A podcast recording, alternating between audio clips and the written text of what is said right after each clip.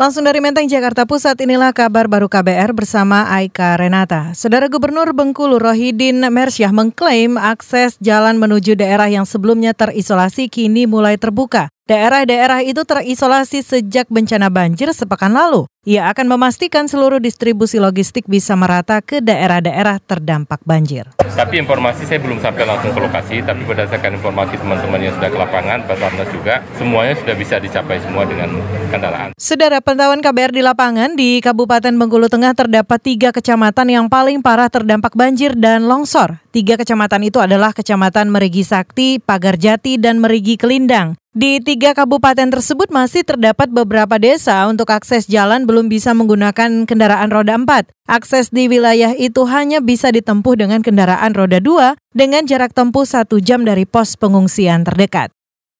Kita beralih saudara, kalangan buruh mendesak pemerintah memprioritaskan kesejahteraan buruh dalam pengambilan-pengambilan kebijakan. Pengurus Federasi Serikat Pekerja Kimia Energi Pertambangan SPSI Tangerang, Ahmad Fauzi menilai pemerintah selama ini lebih berpihak pada investor sehingga kebijakan upah minimum buruh tidak memberatkan investor. Menurut Fauzi, pemerintah takut investor hengkang jika menerapkan upah tinggi. Justru malah kita seakan-akan diabaikan oleh mereka. Justru kisi kapitalisme ini seakan-akan melecehkan kita bahwasanya permintaan kita ini terlalu yang muluk-muluk karena peraturan apa sudah ada di peraturan. Karena peraturan ini timbul dari mereka sendiri yang memesan kepada semua. Pengurus Federasi Serikat Pekerja Kimia Energi Pertambangan SPSI Tangerang, Ahmad Fauzi menuntut kenaikan upah sekitar Rp700.000 dari upah minimum masing-masing daerah. Tuntutan itu disampaikan dalam aksi peringatan Hari Buruh Sedunia hari ini. Fauzi beralasan mahalnya biaya hidup menjadi salah satu faktor tuntutan kenaikan upah minimum. Buruh juga meminta pertemuan langsung dengan Presiden untuk membahas kesejahteraan buruh.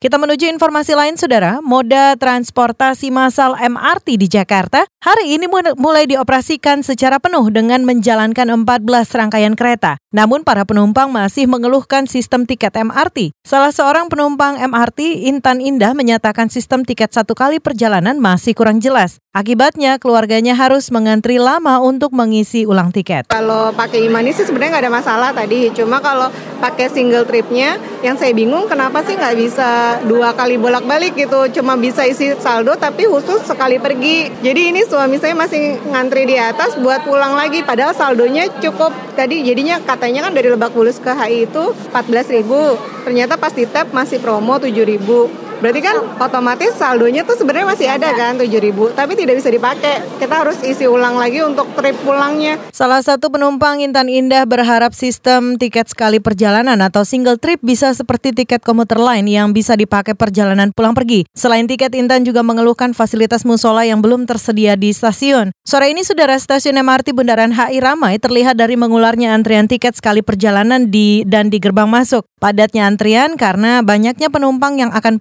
pulang setelah menghabiskan waktu liburan bersama keluarga. Kita menuju ke satu informasi dari mancanegara saudara. Jepang resmi memiliki kepala negara baru. Kaisar baru Jepang Naruhito resmi memimpin era kekaisaran Reiwa setelah ayahnya Akihito lengser dari tahta kekaisaran pada selasa waktu setempat. Dalam pidato pertamanya, Kaisar Naruhito berjanji selalu berdiri bersama rakyat Jepang menyongsong era baru. Naruhito menjadi kaisar Jepang pertama yang lahir setelah Perang Dunia Kedua. Sementara kaisar sebelumnya, Akihito kini bergelar Kaisar Emeritus. Kaisar Naruhito akan tampil di depan publik untuk pertama kalinya pada akhir pekan ini. Setelah itu, seremoni resmi menyambut kepemimpinan Kaisar Naruhito dan Permaisuri Masako dan akan digelar pada 22 Oktober mendatang. Demikian kabar baru dari kantor Berita Radio KBR, saya Aika Renata.